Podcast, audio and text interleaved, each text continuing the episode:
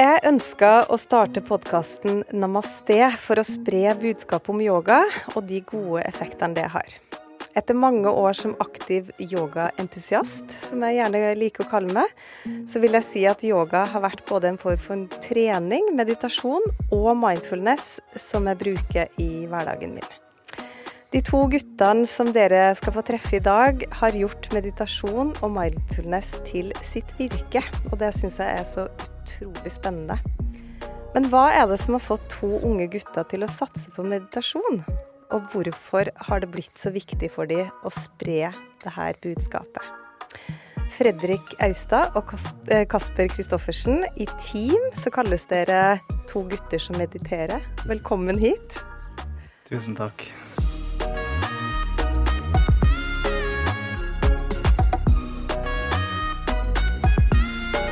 Tusen takk for det. Vi er veldig glad for å være her på denne flotte, solrike og hvitkledde dagen.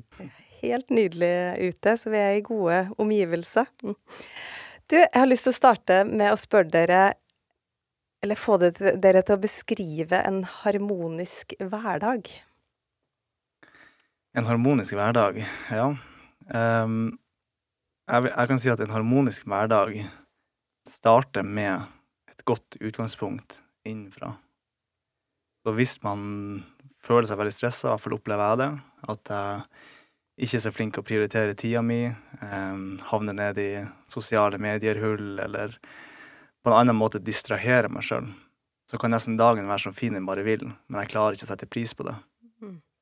Når jeg føler meg balansert og rolig inni meg, så ja, kan de minste ting eh, blomstre litt opp. Og sånn som i dag, eksempel, med sola og det nydelige hvite snødekket. Det kan være en utrolig fin dag. Men er det sånn at du da av og til våkner og er urolig? At du på en måte Absolutt. Mm. Absolutt. Så hva gjør du da? Um, det første for min del er jo å anerkjenne den uroen som er i kroppen. Og se det. Og forsøke å ikke tenke noe negativt om det nødvendigvis. Og heller ikke nødvendigvis um, tenker at jeg skal prøve å finne en strategi eller en løsning på det. Men å kunne anerkjenne at OK, nå har kroppen min eh, ei aktivering eller en uro som er her. Og det kan være mange årsaker til det, og noen ganger kan det være fint å kjenne årsaken. som for eksempel at OK, jeg vet at jeg sover dårlig. Jeg vet at jeg spiste veldig mye rett før jeg la meg, eller kanskje man har vært på en fest, man har vært oppe sent det kan, det kan, være med å gi en slags trygghet på hvorfor det er sånn. Um, men samtidig så handler det også om å, å, anerkjenne det og holde rom for det. Og så klare uh, å finne tilbake til et, uh, et balansepunkt, da, kan man mm. Og du, Fredrik? Det er veldig mye fint som Kasper sa. Jeg kan også kjenne meg igjen og våkne opp i helt forskjellige sinnstilstander. Og det er jo litt det å legge fra meg forventningene om hva slags tilstand jeg burde eller skulle ha våknet i. Mm. For det er jo egentlig noe jeg bestemmer selv, hvilken forventning jeg har til meg. Hvis jeg kan la det gå, og si ok, da starter vi på dette trappetrinnet her i dag, hvilket steg er det jeg vil ta videre? Mm. For meg så er en harmonisk hverdag en blanding av aktive og passive energier. Jeg trenger å få både bevegelse, mm. stillhet, det sosiale, føle at jeg gjør noe med mening, men også noe som jeg burde bli flinkere til i, i en travel høst. Stole på at eh, når jeg slapper av, så jobber jeg også aktivt med ro mm. med kroppen min og gir noe tilbake. Enn du? Du hører din. uh, ja, en harmonisk hverdag er jo uh, Inneholder jo mange deler, som du sier, og veldig fint sagt. Det å, å, på en måte Fordi jeg trenger også den her eh, det, det, å gjøre eh, ting som gir meg energi. Eh, og det sosiale Jeg er jo en veldig sosial person, så jeg liksom kan fort bli litt sånn ensom hvis jeg er for mye alene. Um, men ofte så er det jo starten på dagen som setter litt sånn tonen for hvordan resten av dagen blir. Og jeg har jo i snart 20 år hatt som rutine å praktisere ashtanga-yoga. Mm. Så, og eh, det jeg opplever ofte, er jo at jeg kan En ting er å våkne og være i en sinnstilstand, men nå har jeg jo tre barn eh, og bikkje og en samboer, så du vet at det er jo ikke hver morgen som er like harmonisk, for å si det sånn. Um, og av og til så har jeg jo lyst til å bare da flykte inn i hverdagen, kaoset, fordi det er, også, det, det er jo det vi ofte gjør. Men da har jeg det så innprenta i kroppen og liksom rutinen at jeg går alltid på yoga. Og da føler jeg meg alltid så utrolig mye bedre når jeg kommer ut igjen derfra. Og jeg føler at det, det liksom Da starter dagen min. Så kan du si at ideelt sett så burde jeg kanskje ha stått opp to timer før familien min og praktisert yoga, og liksom funnet den roen, og så kunne angrepe det kaotiske i forkant.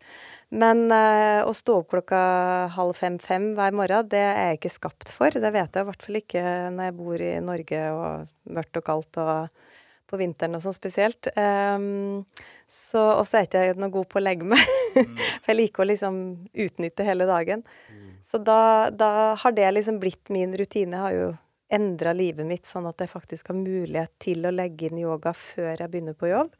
Mm. Um, men jeg er liksom avhengig, for det setter så tonen for hvor, hvordan resten av dagen min blir. Jeg merker utrolig stor forskjell ja, altså, når jeg ikke gjør det. Ja. Du er jo inne på, på, flere viktige ting her, og det ene er jo eh, det her med å finne en rutine og et tempo som fungerer for deg. Og jeg er jo også sånn som liker å være våken på kvelden. Jeg finner utrolig mye ro og glede i det. Jeg er veldig kreativ på kvelden. Mm. Um, men en god periode så tenkte jeg at OK, men for å lykkes og for å um, kunne være en aktiv, suksessfull person her i samfunnet, så måtte jeg opp i fem-seks-tida. Uh, og det ble en sånn indre konflikt mm. hvor den her Kvelds-Kasper og Morgen-Kasper måtte, måtte, krige litt. Og den balansen funka ikke så godt for meg. Um, og en annen ting jeg bare vil kommentere på også, er jo det her med Du føler deg så bra etter at du har starta dagen med yoga eller en aktivitet som er viktig for deg. Og det er jo også mye eh, sånn indre kjemi i det her. Og vi vet jo at når vi eh, utfordrer oss sjøl, når vi beveger oss, eh, når vi bruker tid på, eh, på, indre praksiser, så skaper dette også mer drivkraft og energi mm. eh, i oss. Og det er noe med det der at eh, motivasjon følger handling. Så jeg, jeg støtter veldig mm Mm. det du sier, da. Så bra. Burrows furniture is built for the way you live. From ensuring easy assembly and disassembly to honoring highly requested new colors for their award-winning seating, they always have their customers in mind. Their modular seating is made out of durable materials to last and grow with you. And with Burrow, you always get fast, free shipping. Get up to 60% off during Burrow's Memorial Day sale at burrow.com slash ACAST That's burrow.com slash acast. burrow.com slash acast. Vi pratet jo veldig kort før vi gikk inn i studio mm. om det å lytte til kroppen og finne tilbake til sitt mønster. Mm. Og det tenker jeg, det kommer vi sikkert litt mer inn på senere, hvordan pust og meditasjon ikke nødvendigvis fører deg inn på ett riktig spor av hva er ro og hva er balanse, men du lærer deg bedre å kjenne hva er ro og balanse for deg. Mm. Når burde jeg legge meg, når burde jeg stå opp? Den som får masse energi av å stå opp klokken fem, må gjerne gjøre det. Mm. Personlig selv prøver jeg ikke å stå opp før klokken halv ni. ja, du er heldig. um, men tar det igjen på andre måter. Ja. Sånn, sånn, eller passer meg Jeg fungerer best og jobber mest optimalt, får mest ut av dagen og er mest takknemlig når jeg får sovet de timene om morgenen. Mm. Men det virker jo som at dere eh, har på en måte funnet en slags harmoni, da. Dere er jo kommet dit at dere nå jobber med meditasjon og mindfulness, og liksom kanskje funnet mer harmoni enn veldig mange andre ute der. Um, men sånn som jeg har forstått og lest om dere, da, er jo at det har jo ikke alltid vært sånn. Og det er jo ofte grunner til at folk kommer dit, at de søker disse verktøyene. Eh, så jeg har så lyst til å spørre deg, eh, Kasper, hva var det som fikk deg til å starte med meditasjon? Dere er jo unge gutter, det er jo det som jeg syns er så kult med dere. Liksom, hva er det som har gjort at dere har valgt å gå så fokusert inn på det her? Ja, du hinta jo litt eh, til det i spørsmålet ditt. Eh, og det er nok sikkert sånn for mange andre også at når man har det bra, og ting er fint, så er ikke nødvendigvis da man er mest på søken etter, etter nye ting og hjelpemidler. Mm. Så jeg fant meg sjøl eh, på et sted i livet hvor jeg opplevde å ikke ha det så bra. Følte ikke så mye trygghet i meg sjøl. Um, var på det man kan kalle en, en psykisk utfordrende plass. Og var dermed veldig på søken. Eh, mye i selvhjelpslitteratur. Leste en del bøker. um, så etter videoer på YouTube. Egentlig alt som kunne, kunne hjelpe meg. Podkaster. Og det var faktisk i en podkast uh, som jeg hørte av um, en som intervjua Andy Puddicom, han som har starta Headspace-appen. Mm. Og han snakka litt om meditasjon, og hvordan en del bedriftsledere også brukte det. Og det var på en måte den lille triggeren jeg trengte. Så var sånn, OK, suksessfulle bedriftsledere bruker meditasjon. Da må jeg òg gjøre det. Mm. Og så viste det seg at det var en praksis som resonnerte veldig med meg og mitt vesen. Og så har det på en måte vært en, en videre utfolding derfra, da. Men det var i hvert fall starten.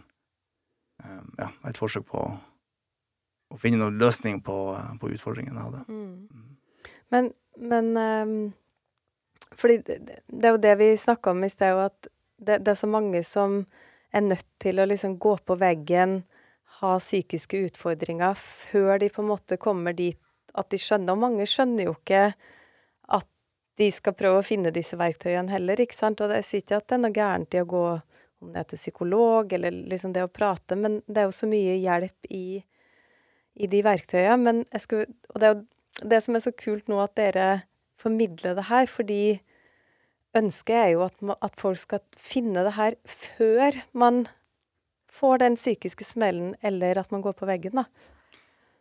Ja, og jeg, jeg kan jo si litt sånn for min egen del òg.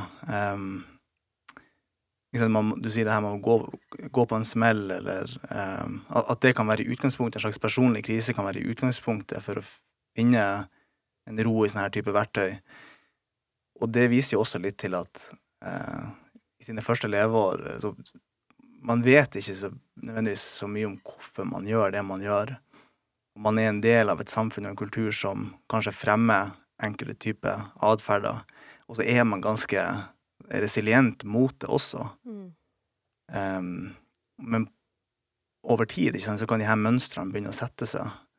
Og det var det jeg kanskje opplevde litt sjøl òg, at jeg måtte stoppe litt opp og se hvor er jeg på tur, Mm. Hvordan prioriterer jeg tida mi, hvordan påvirker det meg og min indre tilstand, og kan det være sammenheng mellom hvordan jeg lever livet mitt, hva jeg tenker om meg sjøl, hva jeg tenker som er viktig, um, og de utfordringene som jeg har, da. Mm.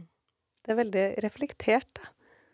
Så du var jo på en måte det å være um, Kjenne på den motstanden, men likevel klare å være så reflektert. Det, Jeg, jeg tror det også kom litt ut av en sånn Men hallo, jeg gjør jo alt riktig. mm, Jeg går jo på den her bra skolen. Jeg, liksom, jeg, har, jeg har fulgt modellen, liksom. Jeg gjør det jo bra. Hvorfor, hvorfor funker det ikke for Mm. meg? Og den kontrasten ble sånn Det, det kan ikke stemme. Mm. Og så tror jeg jeg har en ganske sånn optimistisk sånn undertone i livet som er sånn Jeg skal finne ut av det. mm. Ja. Mm. Men du Fredrik, du har jo jobba i PR-bransjen, som er veldig hektisk. Altså det er mye som skjer i en, en hverdag, og mye på en gang. Eh, hva var det som gjorde at du tok en sånn helomvending og ville finne meditasjon? Nei, det er akkurat som du sier, full fart og fyk rundt hvert hjørne. og jeg kan vel si, meg, si at jeg opplevde mye av det samme som Kasper gjorde. Disse kroppslige sensasjonene, disse beskjedene, da, som kroppen gir oss når Jeg tror kroppen sier ifra når vi ikke er der vi skal være, eller ikke faller tilbake i den naturlige roen som egentlig er ment for oss. Mm. Man har et uh, samfunn som bygger seg veldig opp på mentale konstruksjoner av hvem man burde være, hva man burde få til, hvilken tid ting burde blitt gjort til, Mm. som igjen da er veldig fokus på det mentale. Og så glemmer man å lytte til hva sier kroppen til disse valgene? Hva sier kroppen til at du må gå så fort uten noe pause? Mm. Og etter hvert så kommer jo disse små hintene, kan være i form for min del, da, av um, frustrasjon, utmattelse, sinne. Jeg gikk mange runder med meg selv. Jeg hadde veldig hyggelige kollegaer eh, der jeg jobbet, og eh, jeg vil si jeg var ganske flink i det jeg gjorde. Men jeg fikk ikke noe indre glede av det, Mm. og følte ikke som jeg var på rett sted, selv om resultatene viste at jeg var det. Mm. Det samme som med skolen til Kasper. Shit, men dette går jo bra, hvorfor har ikke jeg det noe bra? Og jeg måtte gå på to smeller selv, før jeg gikk i meg selv og sa Det var veldig mye også skam i starten. Klarer ikke jeg å ha en vanlig jobb? Hva er det som er feil med meg? Men etter fall på fall, da, så kom jeg til at jeg egentlig med å stole på kroppen min og de tegnene som er til stede. Og jeg hadde allerede kjent til meditasjon, ikke så mye pust fra før jeg har vært interessert i det, og kanskje også det mer spirituelle aspektet, og startet på en transformerende reise noen år tilbake, hvor jeg mistet en eh, venn. Eh, det var første gang jeg opplevde et dødsfall så nære, Mm. Og eh, begynte å stille meg spørsmål rundt hva er ekte? Mm. Hvis denne personen plutselig kan forsvinne på en dag, hvilke andre ting er det jeg ikke helt forstår med livet mitt? Og i disse årene, det var da jeg startet å jobbe videre i PR etc., så jeg tror akkurat på rett tid at jeg fikk beskjed nå skal vi prøve oss videre inn i den mer holistiske verden og se hvordan det kan funke for deg og de rundt deg. Det er åpenbart at det er goder å hente her, basert på hva folk forteller, og de få opplevelsene jeg hadde hatt. Så ja, Men hva gjorde du da? da sa jeg opp jobben min, og frem det siste året så hadde jeg vært veldig interessert i selvutvikling også. Mhm. Jeg ble sendt på en reise hvor jeg møtte ekskjæresten min, en fantastisk fyr, som ga meg min første selvhjelpsbok, som også nevnte energi og universet for første gang i en helt annen kontekst enn jeg hadde hørt. Og jeg leste meg opp og studerte ved siden av jobben, og følte meg klar til å begynne å ta stegene. Og egentlig bare hoppet i det. Mm. Igjen, da, det var nødvendigvis ikke en 100 behagelig opplevelse. Mm. Mye Det er frykt, jo ikke alltid det. mye, mye mm, sperrer, men eh, jeg vil jo si det har gått ganske greit. Jeg stoler på at eh, det som er ment for oss, kommer til oss. Mm. Men hvordan møttes dere, da? Ja, det jeg, Vet du hva, Fredrik skal få lov til å svare på det. Um, og så vil jeg si at det, vi har snakka om det her før, det var fint å høre deg dele. Og så var det en ting som jeg fikk lyst til å også dele bare litt videre på det, det han sa. Ja, for du stoppa opp og stilte deg sjøl spørsmålet sånn Hva er galt med meg, liksom? Mm. Klarer ikke jeg den jobben, en vanlig jobb? Og jeg tror at det er mange i dag, og meg sjøl inkludert, og Fredrik, kan sitte og tenke at det er det noe galt med, det er meg det er noe galt med. Um, og at vi også må tørre å, å stille spørsmålstegn ved hvordan vi bruker tida vår. Mm. Og at det kan godt hende at de reaksjonene vi har, er helt naturlige og faktisk sunne i forhold til de valgene Mm. vi tar. Mm. Uh, så, ja, at man ikke alltid For vi lever i en sånn hyperindividualistisk kultur hvor det ofte er sånn OK, selvhjelp og meditasjon og verktøy og psykolog og alt skal jeg bruke for å tilpasses en hverdag og et liv som i utgangspunktet gjør meg syk. Mm. Skal jeg hoppe inn med historien Ja. nå, om hvordan vi møttes? Det var jo den klassiske måten som eh, folk møter hverandre på digitale sosiale medier. Nå tenkte jeg skulle si datingapp, men Ja, eh, Tinder. Det var på, på Instagram. Vi har en eh, felles bekjent mm. som driver et veldig fint prosjekt som heter Pust i Tromsø. Mm. Andreas heter han. Som også ønsker at flere skal få oppleve badstue, sauna, pust og meditasjon. Og eh, det var vår link. Vi begynte å følge hverandre på Instagram, for vi hadde jo pustet og meditert på hver vår side i noen år.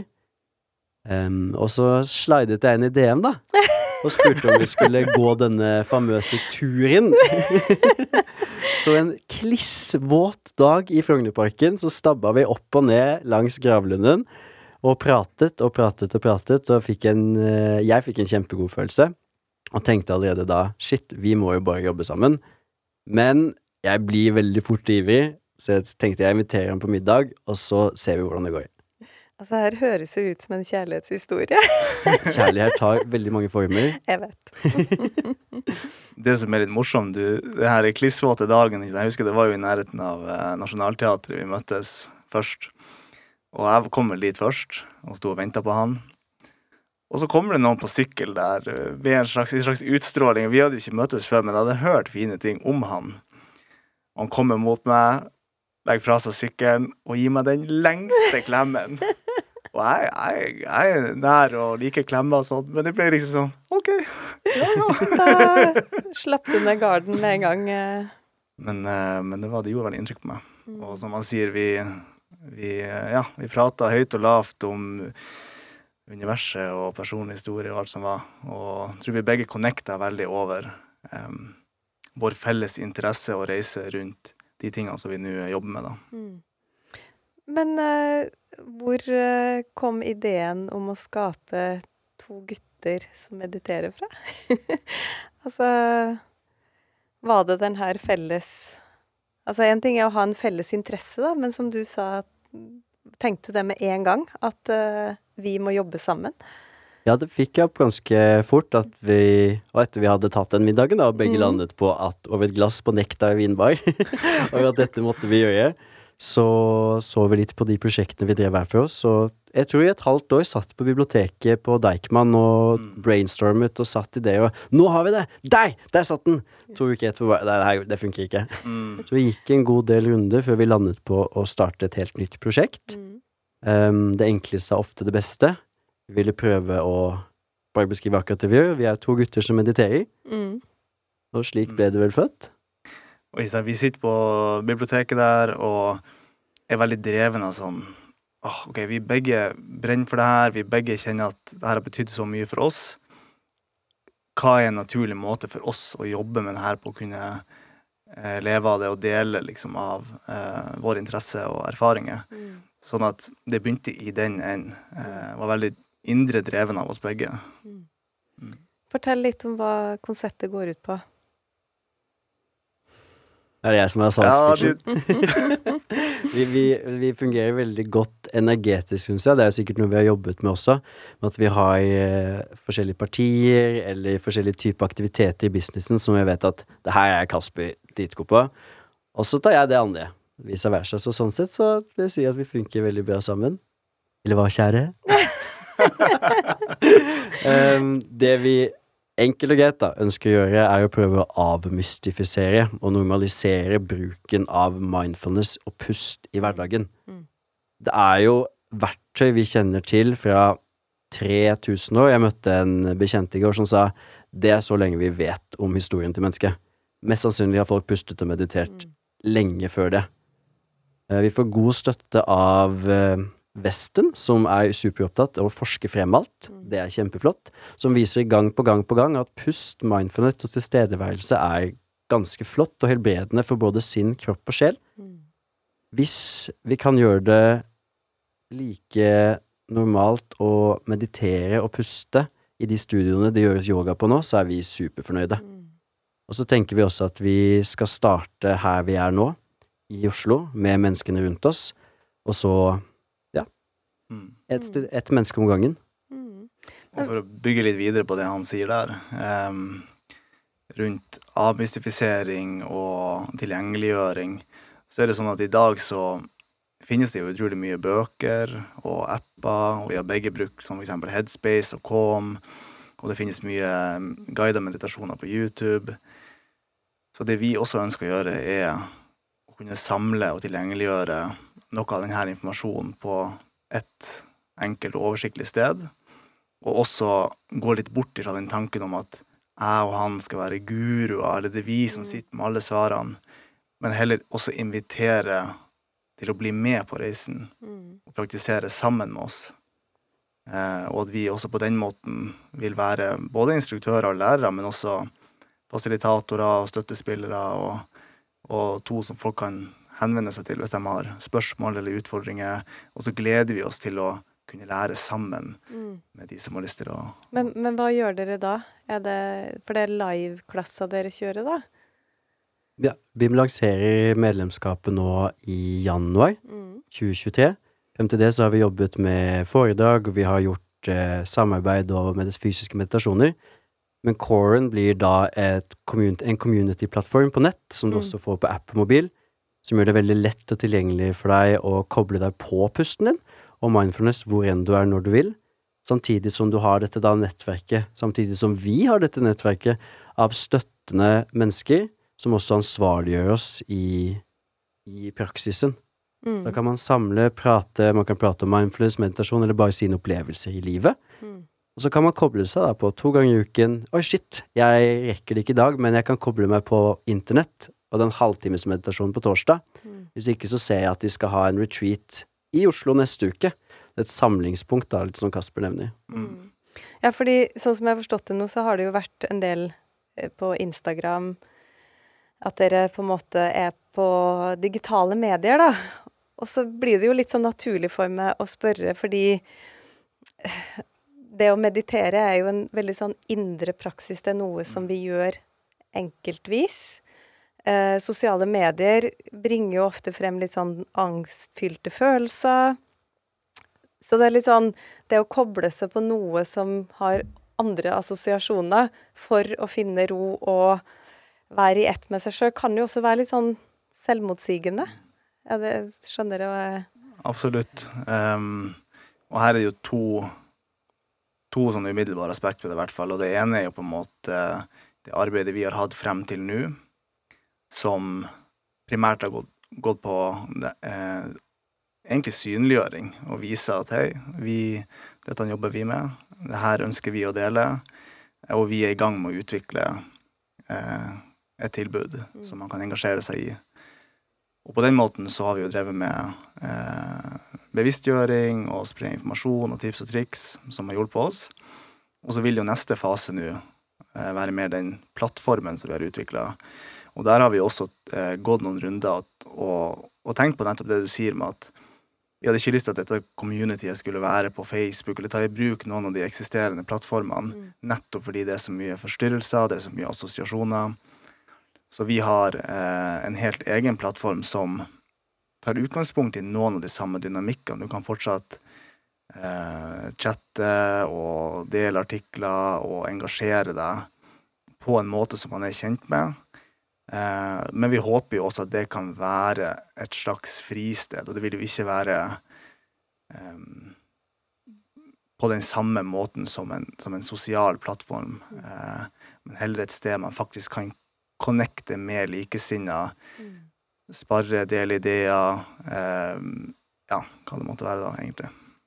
Vil jeg også legge til den gleden og motivasjonen og inspirasjonen man kan få av å følge andre mennesker, så er det selvfølgelig opp til hver og en hva man ønsker å ta inn over seg i livet sitt. Det kan godt være en god blanding av underholdning og mindfulness, men gjerne litt mindfulness for vår del. Mm. Um, men når man først har sånne typer verktøy som sosiale medier, hvor man kan delta og lære av hverandre, delta på hverandres reiser, utforske bredden da, av hva det vil egentlig si å være et menneske på jorden i dag, som alt fra informasjon om kulturer, menneskeliv, um, helse Jeg tenker det kan være berikende hvis det blir riktig brukt. Mm. Jeg kan for så vidt òg kommentere på sosiale medier litt sånn generelt sett. Mm. Eh, For, for jeg tenker det også er et viktig aspekt og noe som vi snakker og jobber en del eh, med også, hvor eh, noen kanskje kommer til oss og, og lurer på ok, jeg ønsker å finne mer ro i meg sjøl.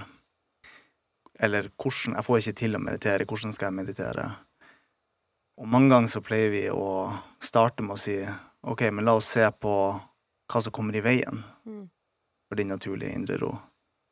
Og da er jo sosiale medier absolutt en av de store for mange av oss. Mm.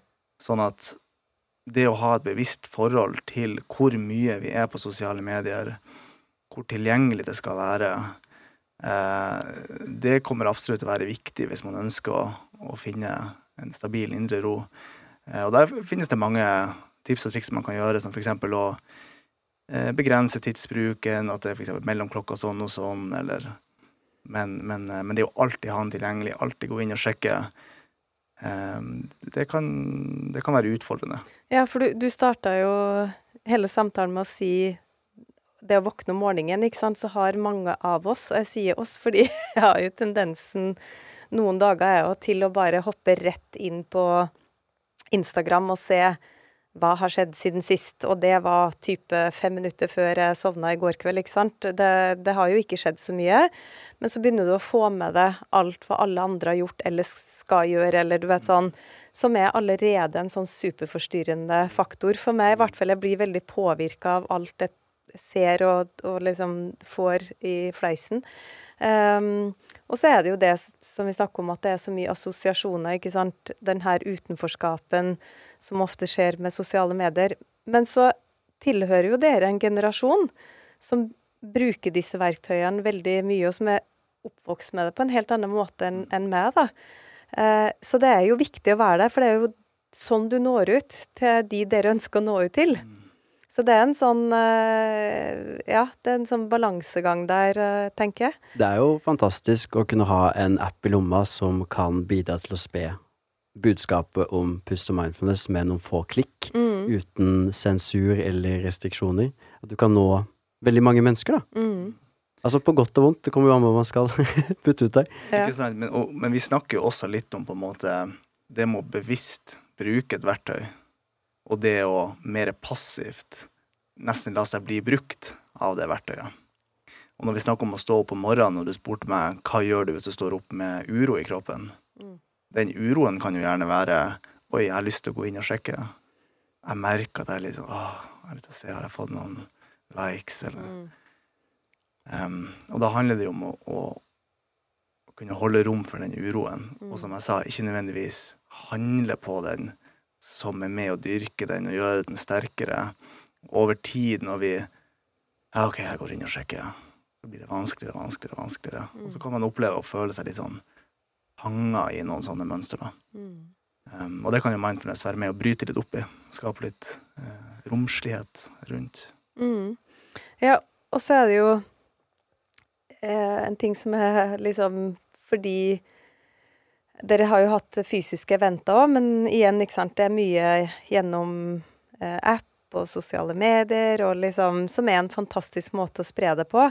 Men, men når jeg begynte å undervise i yoga for veldig mange år siden, som er 17 år siden eller noe sånt, så har jo eh, min undervisning alltid vært i det fysiske rom. Og jeg liker veldig godt å være i det rommet, kjenne på energien, blikkontakten med de jeg underviser til. Altså den der tilstedeværelsen i et rom, da, fysisk. Um, og da er jo litt sånn Er det en god måte å lære det her på gjennom eh, digitale verktøy? Ja, altså i en perfekt verden så hadde det vært helt nydelig å kunne møtes fysisk mm. hver gang. Og det er jo absolutt noe som vi også verdsetter i stor grad og kommer til å eh, ha en del av.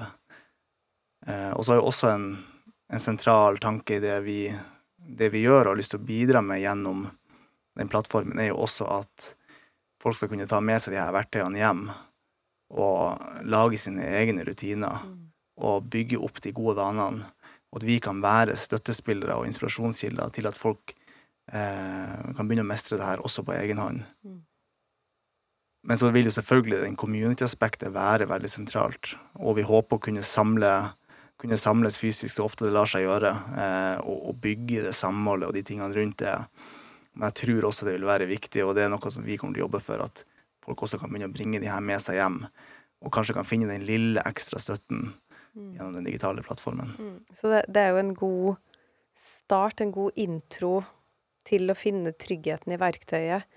Men målet er jo at folk skal på en måte implementere det mm. såpass at de faktisk kan eh, sette seg ned og meditere uten at det trenger å være på det og det klokkeslettet, for da er det en livesending, eller mm. at man trenger noen til å guide seg, ikke sant. Men mange trenger jo det her for å starte.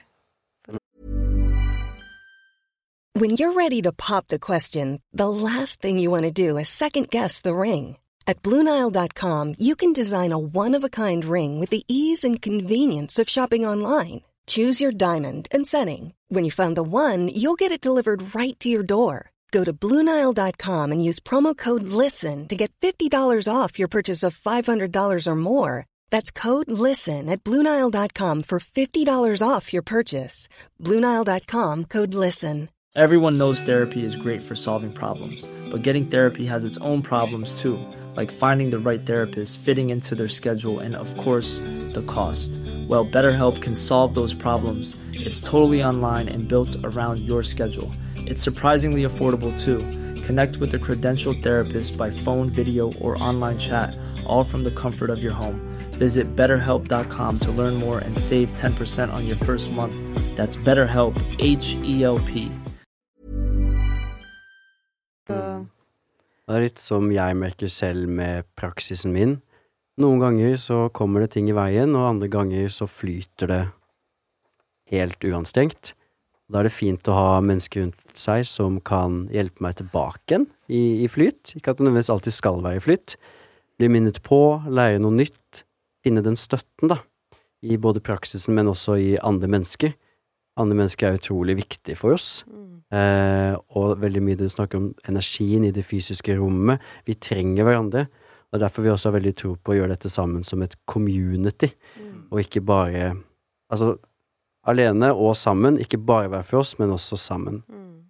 Og så er det jo faktisk et sentralt poeng at når du snakker om den nye generasjonen som vi også er en del av, og for så vidt har vært litt heldige å, å ha en fot i begge leirer, um, men, men um, det er jo mange som kommer til oss og også er veldig takknemlige for at det nettopp er digitalt. Fordi vi bruker mer og mer tid der, vi blir mer og mer trygge der. Og barrieren for å stille opp på noe nytt og noe skummelt og fremmed fysisk har blitt større. Um, så, så det er også noe vi merker, at det senker også barrierene for å nettopp komme i gang. mm, og der kan du jo si at pandemien kanskje gjorde eh, hva skal jeg si, oss litt godt, eller i hvert fall eh, disse verktøyene, da, fordi man så jo en boom i bruk av app og digitale verktøy for meditasjon, yoga. Altså det ble jo Det var jo statistikker som gikk helt i taket eh, på folk som fant de verktøyene i pandemien. Eh, og da er det jo fantastisk at det finnes der, med de hjelpemidlene. Eh, det hjalp jo veldig oss i en meditasjon vi hadde i februar. Da hadde vi en meditasjon for fred, hvor målet var å rett og slett meditere for mer fred i verden. Og da hadde vi jeg tror det var 30 plasser på Kulturhuset hos Arne i Göteborggata, samtidig som vi livestreamet på Facebook, og hadde en del utenlandske som deltok også. Og det er en fin, ja, en fin bruk, syns jeg. Det, var, eh, det føltes veldig godt å være så mange, både i det fysiske, men også det digitale. Og vi vet jo at når man mediterer sammen, så vokser jo energifeltet. Vi håper at vi kunne gi så mye fred som mulig den dagen til verden. Fint. Ja, og jeg eh, kan også Et eksempel var Det var helt, helt i starten av første lockdown. Så hadde en, eh, en digital yogatime sammen med Holsweiler. Eh, og, og det var liksom første gang, og det var på engelsk, for de har jo så mye engelske følgere. Jeg underviser jo normalt sett ikke på engelsk, så jeg syns jo her var superskummelt. Eh, men da tror jeg vi hadde nesten 500 stykker som logga seg på, og som var med på yogatime. Ja, det, det var helt sånn eh, Etterpå, når jeg skjønte at det var så mange som hadde vært med, så ble jeg jo Fikk jeg jo helt skjelven, selvfølgelig. Men, eh, og de sa jo det at eh, det var det hva skal jeg si, eh, det, det beste eventet de hadde. De hadde jo masse digitale mm, eventer eh, underveis, men det her var et av de første, og et, det som kanskje traff best. da. Og det, det sier også noe om hvor eh, mottagelige folk var. Og nå, nå var jo det en veldig spesiell situasjon, ikke sant? for da kunne man ikke møtes fysisk. Men det å på en måte gi et sånt verktøy i den tida, det føltes bare så utrolig fint. Mm. Kult. var mange som trengte, tenker jeg. Men det, det er jo så in, in, Både innenfor yoga og meditasjon så er det så mange ulike tradisjoner, så mange former. Og jeg får alltid spørsmål fra folk. Det er sånn 'Å, jeg har så lyst til å begynne med yoga, men, men hva slags type yoga skal jeg gjøre?' Og så er det veldig lett for meg å si, som har drevet med ashtanga i mange og 20 år, at liksom det er den riktige formen. Eh, men så er det jo sånn at det ene treffer noen, og det andre treffer noen andre. Det er jo ikke Alle syns jo ikke ashtanga er det morsomste når det kommer til yoga. Eh, men hvordan skal man liksom finne den retninga eller den tradisjonen? For i meditasjon så finnes det jo mye tradisjoner. Mm. Og så er jo liksom spørsmålet for de som hører på nå, liksom hvordan skal man finne sin retning? Sin tradisjon? Ja, en ting som kom til meg sånn helt umiddelbart, er at det er viktig å bringe med seg en viss tålmodighet. For hvis man skulle sammenligna f.eks. Eh, tegning med å spille gitar og, og, noe annet, og så prøver du bare første gang, så kan det godt hende at begge virker litt sånn Jeg tror ingen av de var for meg, for å være helt ærlig. Mm. Og over tid så vil du kanskje merke at OK, jeg begynner å forstå det her tegnelandskapet litt. Jeg skjønner, jeg skjønner hva som er greia her. Og sammen med, med gitar at ja, OK, her begynner det å høres ut som noen melodi. Og med det som utgangspunkt, så blir det plutselig litt lettere og mer naturlig også å kunne sammenligne ulike praksiser. Og se OK, det elementet kjenner jeg igjen fra den eh, bakgrunnen jeg har, f.eks. Så tålmodighet tror jeg nok er kjempeviktig. Og det betyr jo også at man står litt i en praksis som kanskje intuitivt virker spennende, f.eks. Og, og, og gir det litt tid til å kunne fordype litt. Um, ja, kanskje begynne med det. Mm. Lære gjennom å gjøre, sånn som vi lærer oss alt. Teste ut forskjellige typer meditasjoner. Prøve ut podkaster, gå på timer. Rett og slett test Altså, har du 100 timer og det ikke er for deg, helt fair, mm. men den tålmodigheten som Kasper prater om, gi det noen ganger. Test ut alle de forskjellige smakene for å finne ut hva du liker. jo av og til kan det være at denne smaken var utrolig god til denne sesongen, mm. og neste sesong så vil jeg teste noe nytt. Og det er jo det som er morsomt og gøy med det. Mm. Å fordype seg gang på gang på gang. Litt som du pratet om med yogaen tidligere.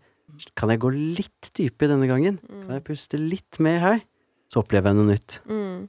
Nei, jeg bare opplever at mange syns det er så vanskelig å Hvor skal man starte? Mm. Det, er sånn, det, er sånn, det er jo et hav av eh, og, og, når du snakker om sant, YouTube og Ofte så sier jo etter folk bare Nei, men det fins så mye yogafilmer på, på YouTube. mm. Så sånn Ja, men hva skal, hva skal jeg søke på? Hva, og, OK, søk på ashtanga-yoga, men du får jo opp alt fra primary til fourth series til ikke sant? Så det er sånn Ja, men hvor, hvor skal jeg starte? Så det er jo det To gutter som mediterer, selvfølgelig. Hva het den appen, sa du? Nei da. ja, men litt sånn fra spøk til alvor. Altså, mm. Jeg kjenner meg veldig godt igjen i, i den der febrilske leitinga. Mm. Og har nok også litt den der perfeksjonistiske genet med meg, hvor jeg er sånn OK, men hva er det beste? Hva er det riktigste, på en måte? Mm. Um, så har vært veldig mye og, liksom navigert i landskapet og prøvd forskjellige ting og lest forskjellige bøker. Og vi håper jo gjennom plattformen å kunne være litt de sparringspartnerne som ikke nødvendigvis eh, sitter på svaret med en gang og er sånn 'Dette skal du gjøre', mm. men kanskje kan være med å hjelpe og finne ut av det sammen. Um, og så er det jo også noe med at noen ganger så må man bare ta et valg og, og, bare følge en slags magefølelse, og så gi det litt tid. Mm. Uh, så hvis man står veldig sånn på utsida og er sånn Å, hvordan yogavideo Ok, kanskje, kanskje yoga with Adrian, for eksempel. Mm. Da teste det mm. en måned. Mm. Eller to uker. Mm. Og så, og, så, ta det litt derfra. For at man kan få det behovet for på utsida og sitte og skal prøve å finne ut av alt mm. før man har erfaringen, og før man har brikkene til å faktisk kunne se det. Um, så det er igjen, da, litt sånn som du sier, handling. Bare komme litt i gang og begynne å samle litt flere datapunkt. Ja, og det, altså tilbake til uh, min uh, spede begynnelse av yoga, som var i 1997, ikke sant. I, i i nesten seks år så testa jeg bare masse forskjellige yogaformer. og I begynnelsen så visste jeg jo ikke hva det het. Da var jeg veldig mye i utlandet, da. Så jeg, I USA der var jo yoga kommet så mye lenger. Så var jo liksom yogastudio overalt. Og jeg bare droppa inn og var på en vilkårlig time, ikke sant. Jeg ante jo ikke hva var yin-yoga eller hva var stanga-yoga. Så bare var jeg med. Og så var det jo etter hvert og, Men hver gang så kjente jeg at det liksom det var, Nysgjerrigheten bare vokste og vokste, og jeg ville bare teste mer, og kjente jo at det her var At yoga liksom var så bra. Så var det jo først da i 2003, seks år etterpå, at jeg var på en ashtanga-yoga-workshop og bare Men det her, det er jo det her jeg skal holde på med, og nå har jeg gjort det i 20 år, ikke sant. Så jeg er sånn så det der med tålmodighet, det, åh, det ble jeg så glad for at du sa, for jeg, jeg tror det er nøkkelen til mye av det her, da. Og det er jo så mange Ja, ja, men jeg har testa yoga, jeg var på Sats på en sånn time. Nei, nei, jeg skal ikke gå på yoga, eller da eh, type meditasjon, da. Men, men ikke sant, det at folk må forstå at det å implementere de verktøyene her er ikke gjort på 1, 2, 3, tenker jeg. Og det er jo òg litt det her med forskjellige typer viten. Mm. Og jeg har òg hørt den derre Ja, ja, men det har jeg hørt før. Det, det visste jeg. Mm. Ehm, og så er det sånn, ja, OK. Men det er også en saying eller en viten som kan fordypes. Og det kan oppleves på nye måter etter hvert som man lærer nye ting man forstår. For eksempel det å være til stede. Mm. Bare den Det ordet der, det å være til stede, hva betyr det egentlig? Mm. Og det er jo noe man kan- kan få en fordypende opplevelse av. Og det å være til stede den dag i dag betyr noe annerledes for meg enn det gjorde for tre eller fire år siden. Mm. Um, og, og det er også noe som er verdt å bemerke seg når man, når man tester ting. Uh, det er noe som snakkes om i meditasjon, ofte å ha med seg det her med beginner's mind. En sånn nysgjerrighet og åpenhet. Også når man begynner å få litt erfaring, og kanskje spesielt når man tror man har begynt å forstå. Mm. Stoppe litt opp og være sånn OK, men kan jeg, kan jeg åpne meg opp? Kan jeg prøve å se det med litt nye øyne? Um, ja, og jeg kan jo dele ei erfaring også, når jeg først begynte på den retninga som, som jeg valgte å fordype meg i, som um, kalles vipassana, og som typisk kan tenkes på som mindfulness. Uh, der hadde jeg holdt på i et godt år, gått ganske intenst til verks, og dro etter hvert på en sånn silent retreat, Mm. hvor jeg var borte i, i ti dager for å eh, virkelig kunne gå dypt i praksisen.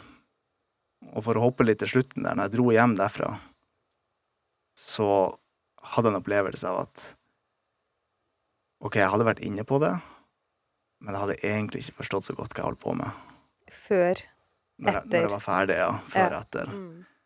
Eh, for, for den opplevelsen hadde virkelig skapt rommet til at jeg ordentlig kunne, kunne begynne å forstå. Mm. Når jeg dro neste gang, så hadde jeg en videre fordypning. Mm. Så Ja, for det hadde jeg lyst til å spørre deg om, for jeg visste jo at du har vært på Vipassana retreat, og det er noe som jeg har tenkt på i mange år. Uh, men jeg, jeg, jeg syns det er så høres så skummelt ut. Kan du fortelle litt om hva det går ut på, for folk som ikke vet hva det er? ja. Um, det er mange som har litt den initielle reaksjonen. Mm. Og jeg tror nok at jeg var litt heldig der, for jeg er skrudd sammen på en sånn måte at for meg så var det nesten litt sånn åh, kan jeg være stille i ti dager? Mm. Det høres litt deilig ut. Slippe å snakke med så mye folk, og de utfordringene jeg snakka om tidligere, var gjerne litt knytta til sånn sosial angst og sosiale bekymringer. Så det å bare kunne være, og ikke føle presset, det sosiale presset, det var Men ti dager helt stille? Da er det ti dager eh, uten noen form for kommunikasjon. Så det kalles en noble silence. Man skal respektere hverandre i deres arbeid. Og man skal helst ikke ha øyekontakt. Man kan ikke lese noe, høre på musikk. Em, og det som er litt av poenget med det, er jo at man skal begrense den eksterne inputen som man er så vant til å få hele tiden. Mm.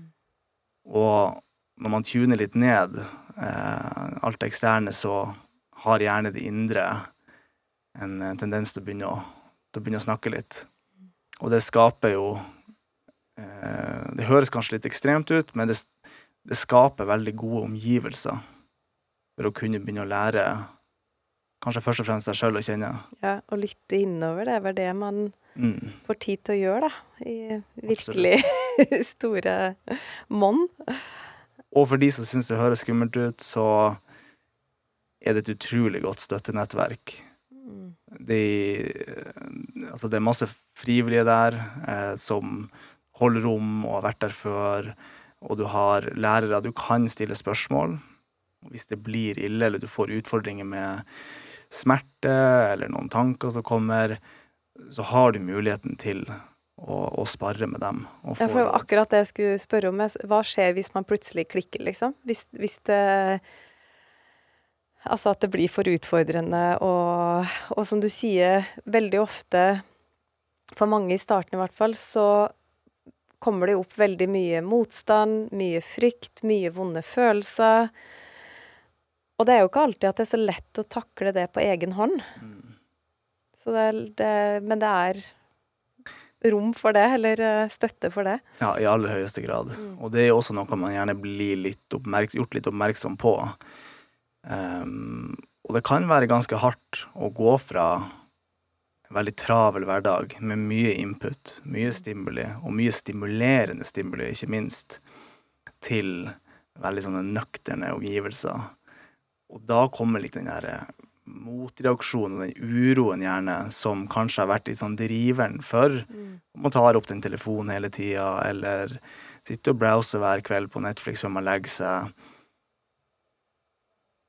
Samtidig som det er en utrolig fin mulighet til å faktisk lære litt de mønstrene å kjenne, men man Ja, det kan være lurt å være forberedt på at de første dagene så er det mange som kjenner at Oi, her var det mye som Mye uro som kom til overflaten.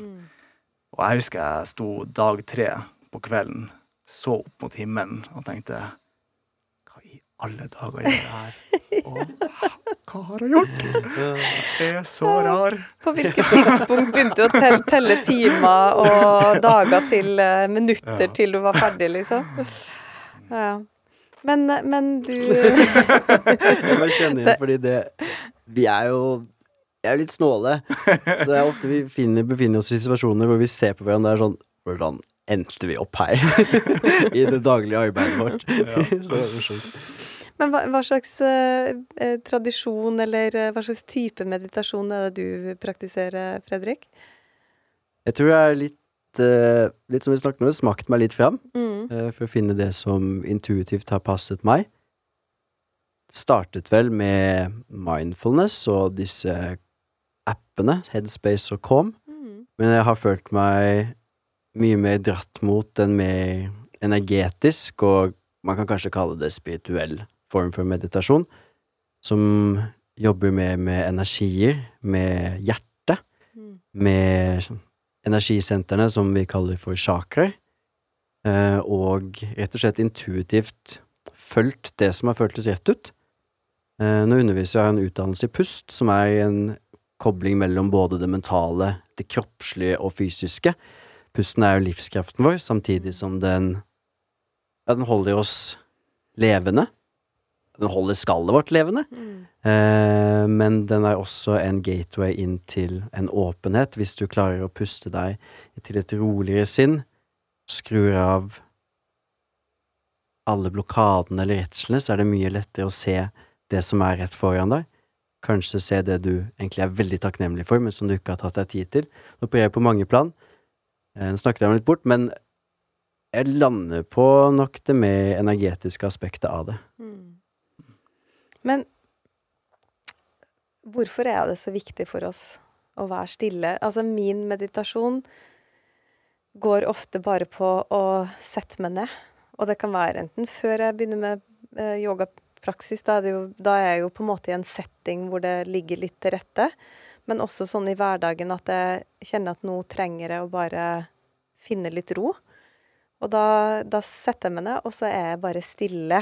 Altså bare følge pusten. Så jeg vet ikke om det kaller Det er jo ikke noe tradisjon, eller at det eh, En av mine lærere eh, fra USA, hun kaller det bare 'sitting'. Mm. Mm. Sitte stille, liksom. Ehm, men, men hvorfor er det så viktig for oss å ha den stillheten?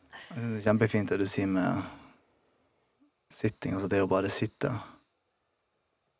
For meditasjon er jo egentlig en non-doing eller en ikke-handling, og ikke noe man nødvendigvis skal streve etter å prøve å få til eller å oppnå.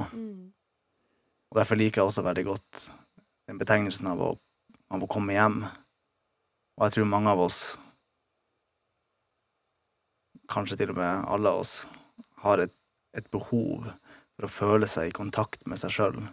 Og for å føle seg i kontakt med andre mennesker og den større helheten som man er en del av.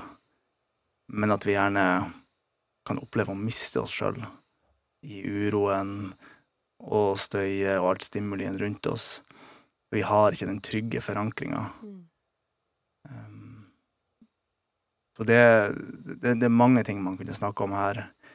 Uh, men jeg, jeg, jeg, tror veldig på det her med å føle seg i kontakt med seg sjøl og med andre. At livet er relasjonelt, og en av de beste måtene å beskrive et individ på er ikke nødvendigvis alle oppnåelsene og alt man har fått til, men eh, at et individ er summen av dets relasjoner. Mm. Og det er også relasjon til tankene sine, følelsene sine, det man holder på med, folk man har rundt seg, omgivelsene, livssituasjonen. Mm. Du snakker jo ofte, Kasper, om en iboende stillhet.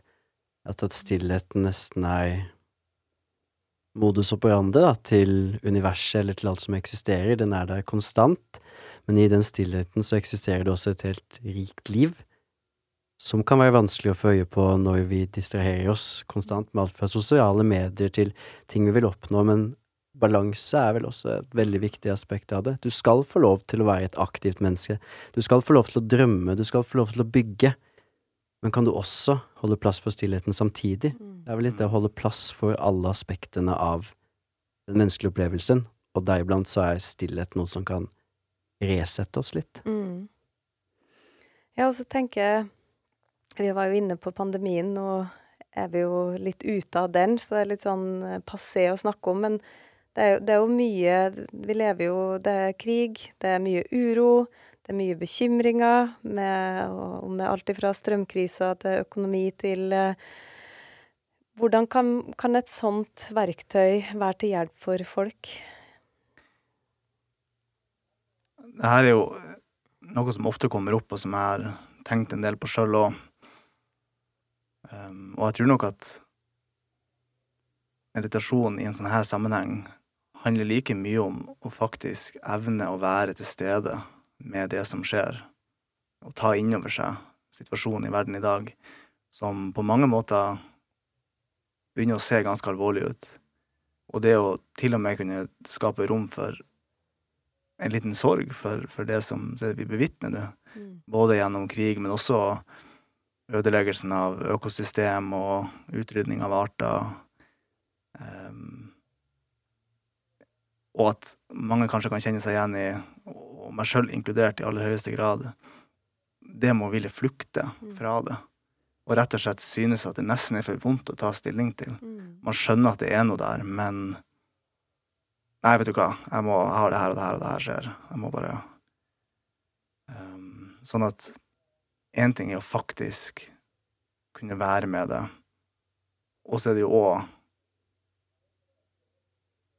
det å være bevisst hvilke reaksjoner man har til det, hvordan forholder man seg til det. Og klarer man å være der for seg sjøl og for andre? Og på den måten så kan meditasjon være et verktøy til å, til å begynne å se litt på de tingene. Mm. Ja, for det er jo litt sånn at hvis vi tar vare på oss sjøl, så er det jo også mye eh, Å ha liksom funnet en trygghet og en styrke i oss sjøl, så er det jo også lettere å være der for andre. Eller å tenke at man skal gjøre noe godt for, om det er jordkloden eller i den utvida forstanden, da. Mm. Man eh, er mye mer flink til å rasjonere eller konkludere. Rett og slett jobbe på et godt sted, i kjærlighet og i ro, og kanskje se de løsningene man ellers ikke ville sett dersom man var stresset eller var på et dårlig sted. Mm. Hvis du starter med å tune inn først og rett og slett stabilisere deg selv, så vil også det slå ringvirkninger ut mot menneskene rundt deg. Plutselig så er du fem-ti mennesker som alle ser klare, tenker klare og jobber etter de verdiene de egentlig ønsker å leve etter. Mm. Som kan være da fred, biomangfold, redde planeten og menneskene. Mm. Og så er det jo litt det der Jeg må bare liksom innom det, for det Altså, Jeg vet ikke om jeg var så bevisst i min start, men det er liksom eh, Man assosierer Du snakker om den spirituelle reisa, ikke sant. Veldig mange finner jo de her verktøyene fordi vi ønsker å finne oss sjøl. Og du snakker jo mye om det, den der finne kontakten, den indre kontakten. Gjør vi det med å bruke disse verktøyene? Hjelper det? ja. Det er, eh, vil jeg si, først og fremst et verktøy mm. som gir subjektive resultater. Som sagt, den som er ditt sanne jeg, er jo ikke mitt sanne jeg.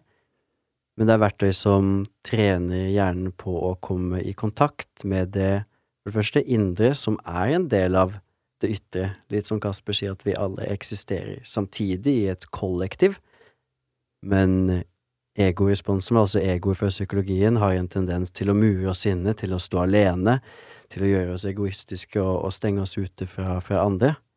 Og med, man ser altså med trening på pust og meditasjon at um, ja, forskning viser man får et krympet, altså et uh, mindre stimulert stressenter, altså amygdala, i, i, i hodet ditt, som gjør at du tenker klarere og handler vil si bedre. Mm. Igjen litt å snakke om hvilke verdier er det jeg ønsker å lede etter. Meditasjon er verktøyet for å finne styrken og roen for å komme dit. Mm. Og så har jeg veldig tro på at hvert eneste menneske har sin plass, sine ting som de liker, så det å finne seg selv er sånn veldig abstrakt. Mm. Men å finne det som fører meg glede til deg og andre, det har jeg virkelig tro på at meditasjon og pust kan hjelpe deg med. Du er litt inne på det med at man skaper jo gjerne også seg sjøl litt gjennom handlingene sine, og det man gjør og velger å bruke tida si på.